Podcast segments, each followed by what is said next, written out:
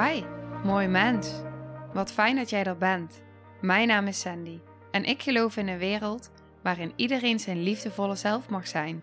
In deze podcast praten we openlijk over alle struggles die je tegenkomt op het moment dat je tegen jezelf aanloopt.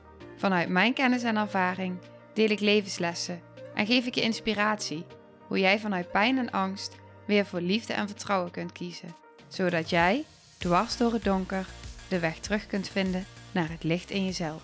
Welkom bij de Liefdevolle Strijder Podcast.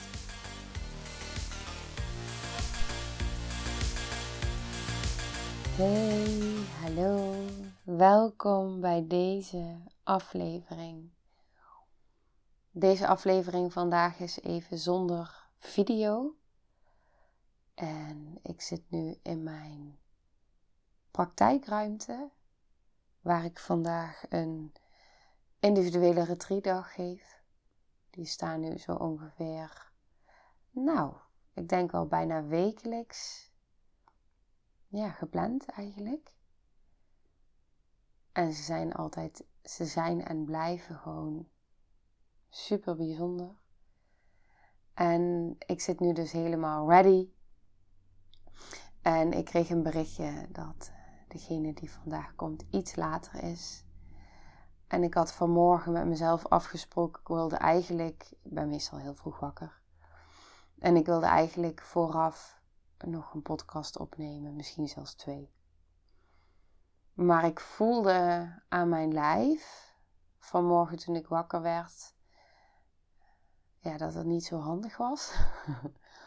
ik voelde ook aan mijn lijf dat het oké was om vandaag een, uh, een, een dag te geven. Op een of andere manier, ja, kan dat gewoon? kan mijn lijf dat ook gewoon? En is dat niet, kost me dat geen energie, zeg maar omdat het zo aligned is. En een podcast opnemen is voor mijn lichaam fysiek zwaarder. En vooral als ik dus opneem met een camera en een licht, zo'n ringlamp die erachter staat, dan, dan doet dat wat met mijn, met mijn ogen, met mijn brein, met mijn zenuwstelsel. Al die apparatuur. En dat voel ik ook en dat is oké. Maar ik voelde dus heel sterk vanmorgen van, voor nu is het dus even niet handig voor mijn lijf. Want ik wil vandaag gewoon, um, ja, ik wil er voor mezelf zijn, zodat ik er ook voor de ander kan zijn. Maar op de eerste plaats voor mezelf. Dus wat heb ik dan nodig om er voor mezelf te zijn? Dat was dus niet achter een camera gaan podcasten vandaag. Alleen ik had net zelf is wel bijzonder. Want ik was ehm, eh, nog wel een, uh, een video aan het opnemen. Of ja, mijn man was die voor mij aan het opnemen. Uh, waarbij ik niet in de camera hoefde te kijken, maar waarbij ik op een matras lag. met mijn ogen, nou deels even open, maar niet in de camera kijkend. En deels gesloten, omdat ik allemaal oefeningen aan het doen was. en aan het opnemen was voor het traject, een innerlijke vindtocht naar wie je werkelijk bent. En mijn man was mij dus aan het filmen terwijl ik oefeningen aan het doen was om mijn nervus vagus aan te zetten en mijn zenuwstelsel helemaal te kalmeren. En die oefening die wordt dus toegevoegd, zeg maar, of die twee oefeningen worden toegevoegd in het traject. En dat was eigenlijk wel fijn, want ik lag dus helemaal in mijn cocon, uh, mijn zenuwstelsel te kalmeren en hij zat mij gewoon te filmen. Maar dan zat geen licht bij. Of uh, ik heb hier allemaal kaarsjes aanstaan. En zoutlamp. En een hele fijne sfeer. Dus dat, dat deed iets heel goeds voor mijn zenuwstelsel. En ik merkte dus dat hij is nu weer weg. Um, dat toen ik net dus helemaal afgestemd en uh, ja, klaar was voor deze mooie dag, dat ik ineens voelde: hé, hey, Misschien kan ik al even een podcast opnemen. het heeft zoveel gedaan. Het doet zoveel in mijn lijf als ik uh, op het moment dat ik dus fysiek meer klachten heb, dat er meer pijn is in mijn lijf. En dat ik het gewoon accepteer. Dat ik meebeweeg. Dat ik er niet tegen vecht. Dat het er mag zijn. Dat ik mijn zenuwstelsel kalmeer. Dat ik aanwezig ben. Niet in een do-modus. In een moet-modus zitten. Maar echt in, in het zijn. Helemaal aanwezig. En daarin meebewegend en voelend van hé, hey, wat is nu nodig en wat is fijn. Dat geeft zoveel ruimte, rust en ik wil bijna zeggen lucht. Ehm, dat ik me alleen maar uh, ja, lichter en zachter voel. Dat doet gewoon iets voor mijn hele lijf. En dat maakte dus ook dat ik ineens voelde: wow, maar nu voelt het wel oké om een aflevering op te nemen. En voelt het ook oké voor mijn lijf. Dus ik dacht, oké, ga ik dat dan dus nu wel doen met video? Nee, dat niet. Ehm, nog wel even lekker in de verzachting. Het mag dus gewoon alleen op audio. Oké. Nou, ik deelde dus al dat ik uh, wat meer klachten heb. Ik heb laatst ook nog een aflevering over geplaatst. En um, gisteren toen uh, gingen we naar de verloskundige. En daar wil ik iets over delen. En het gaat heel erg over op het, moment, op het moment dat we stoppen met zoeken, maar dat we toestaan dat het ons wel zal vinden, dat we erop vertrouwen dat het juiste wat past in dit moment, wat resoneert, naar ons toe komt, dat dat zich ook zal manifesteren. Is altijd heel interessant om te kijken van hey, wat manifesteert zich in mijn leven en wat zegt dat over mij? Over waar ik sta in mijn proces en wat ik aantrek daarin. Zegt dat dat er nog dingen in mij geheeld mogen worden, want ik trek aan wat ik niet wil?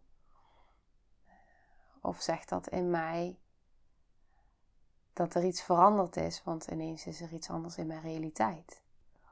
En dat merk ik nu dus en het raakt me ook meteen, omdat ik dat nu dus heel erg merk betreft mijn zwangerschap, is dat het alweer zo, zo compleet anders voelt als met sterren en met Noah. Ja. En dat zie ik dus terug in mijn realiteit.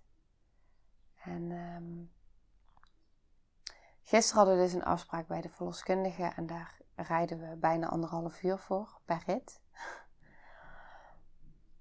Maar de ervaring die ik gisteren mocht hebben daar, ehm, daar wil ik zo graag iets over delen met je, omdat dat zo ongelooflijk veel voor mij heeft betekend en mij heeft geraakt het contrast met hoe het was bij een verloskundige terwijl ik zwanger was van Noah, is zo groot. Wauw. Ik heb daar natuurlijk ook over gedeeld en ik weet niet of je dat hebt geluisterd. Ik heb daar wel meer over gedeeld tijdens mijn zwangerschap met Noah. Maar het voelde als ik bij de verloskundige praktijk kwam, waren meerdere verloskundigen, dus ik zag vaak een ander, vier verschillende, en één van hen zou dan bij mijn bevalling zijn. Nou was het net zo tijdens mijn bevalling dat uh, er een invaller was en dat ik een verloskundige kreeg die ik nog nooit had gezien. Um, dat even terzijde. maar tijdens het hele proces voelde ik iedere keer als ik bij de verloskundige zat, en dit is, dit is even los van oordeel, zo werkt ons systeem. Uh, het zegt ook helemaal niet over hun kwaliteit of wat dan ook. Het zegt gewoon iets over hoe ik het ervaren heb. En wat ik ervaarde was dat ik de hele tijd mijn energie naar achter moest brengen. En de hele tijd bij mezelf moest blijven. Bij mezelf, bij mezelf, bij mezelf. Mezelf reguleren. Omdat het voelde, als ik daar zat, alsof er bij iedere afspraak dat ik daar zat, een soort van um, angstprojectie op mij afgevuurd werd. Met alles wat er mis kon gaan. Um, alle dingen waar rekening mee gehouden moesten worden. Um, het kwam allemaal, het ging helemaal niet over, ja. Natuurlijk ging het wel over mij en mijn zwangerschap. Maar het was zo'n vastgelijnd iets. en zoveel angstprojectie. Uh, dat het van mij vroeg de hele tijd van oké, blijf bij mezelf, blijf bij mezelf. Wil ik dit? Nee, ga ik niet doen. Oké, dan ga ik ervoor tekenen. Oké, ehm, en dan kreeg ik weer al die angst eroverheen van hun, zeg maar. Ehm, nou, dat deed gewoon iets. En ik kon daarin best wel bij mezelf blijven en daarin ook heel erg voelen van hé, maar wat is aligned voor mij? Nee, dit klopt niet. Ik merk dat iets dat mijn lichaam hier nee op zegt. Oké, nou dan teken ik prima. Um, het is even heel kort, hè? Maar ik heb er natuurlijk lang eh, veel over gedeeld, maar ik wil even heel kort zeg maar het verschil delen. Daar werd bijvoorbeeld ook tegen mij gezegd: ehm, je moet iedere afspraak wegen. Je moet iedere afspraak hier komen wegen. En dan zei ik, maar dat wil ik niet. Want ik, heb op, ik weeg mezelf al heel lang niet meer. Um, want op het moment dat ik mezelf ga wegen en ik zie mijn gewicht, dan um, is dat heel confronterend. En dat, um, dat doet, uh, als je het hebt over mijn uh, eetstoornisverleden, dan zijn dat zo'n enorme triggers, die wil ik mezelf niet aandoen. En al helemaal niet tijdens de zwangerschap. Ja, dan ga je er maar op staan en dan kijk je zelf niet. Toen dacht ik, ja dag, ga ik erop staan en dan gaan jullie mijn gewicht zien zonder dat ik het zie. Nou, dat was helemaal een no-go voor mij. Uh, want er zit heel veel lading op voor mij. Um, dus toen ben ik het maar gaan doen. Dus dat heb ik wel gedaan tegen mijn gevoel in. Dat voelde helemaal niet oké. Ik wilde dat helemaal niet en ik heb dat wel gedaan. Um, nou ja, dat is dus ook iets wat me tegenstond. Zo waren er nog veel meer dingen.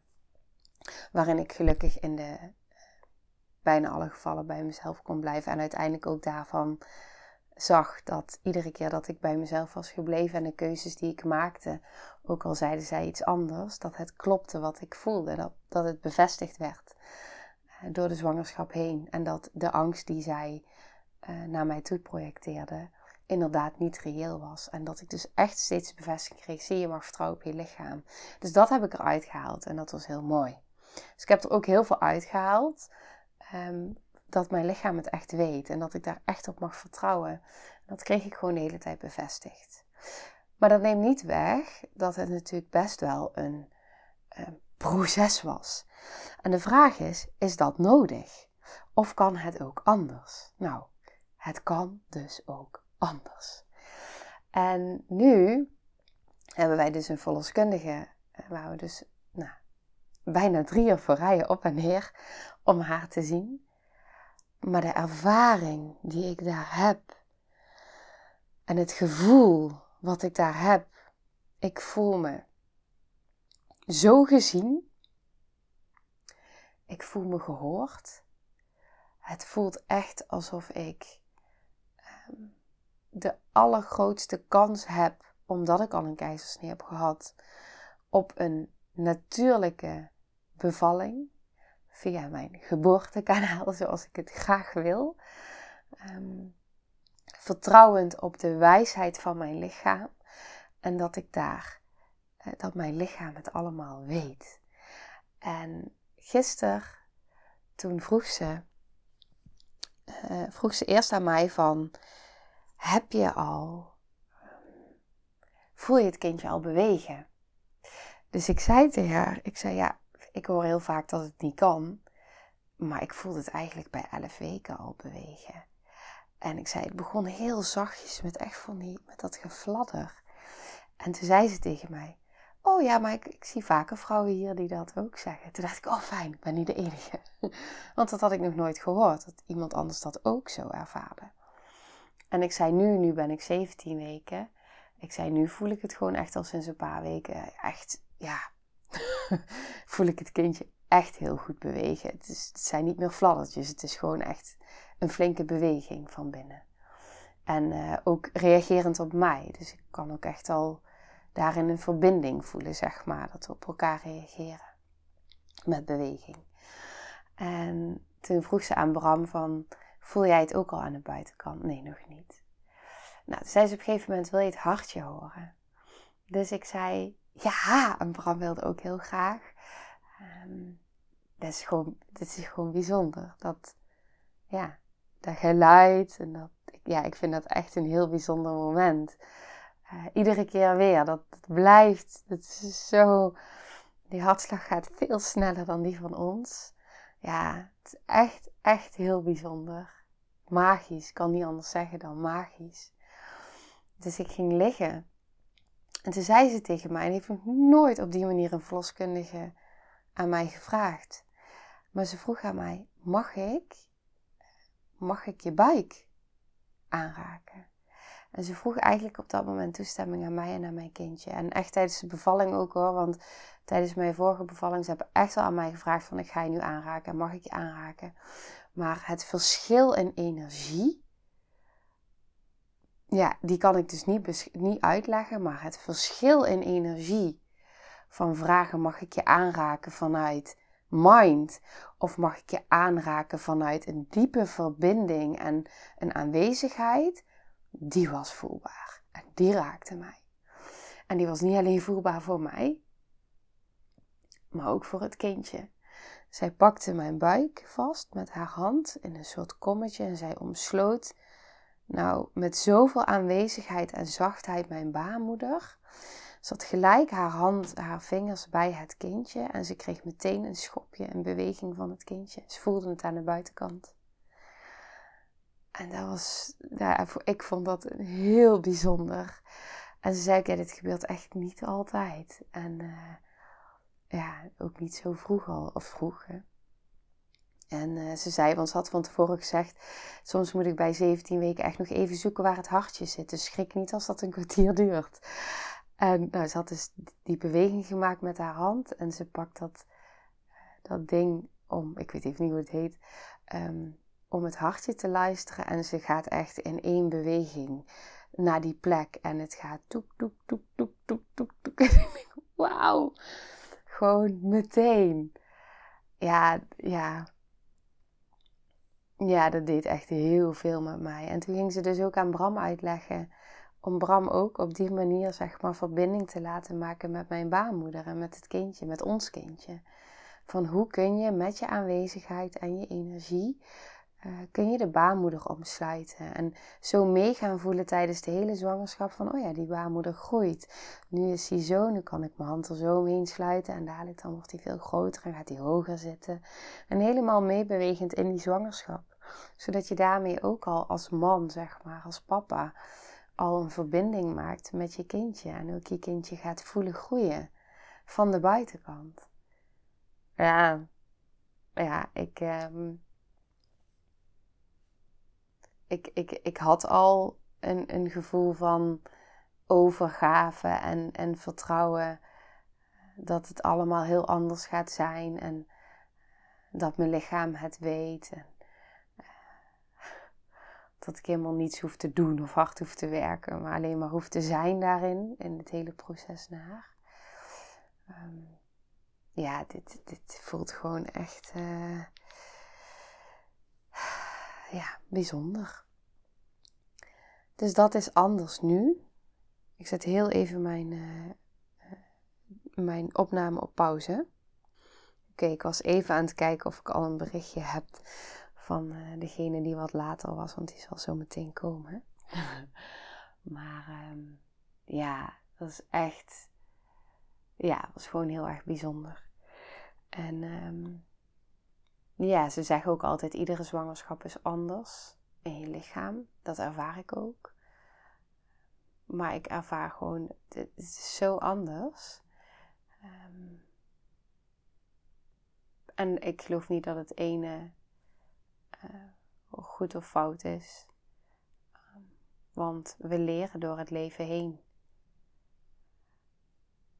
En iedere keer als we weer iets beleven, beleven we het weer op een andere manier.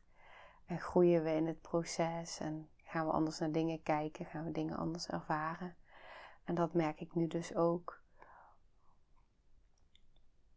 Ja, het is gewoon heel bijzonder. En ik voelde dat ik uh, deze ervaring met je wil delen omdat dit is een voorbeeld van hoe het kan zijn.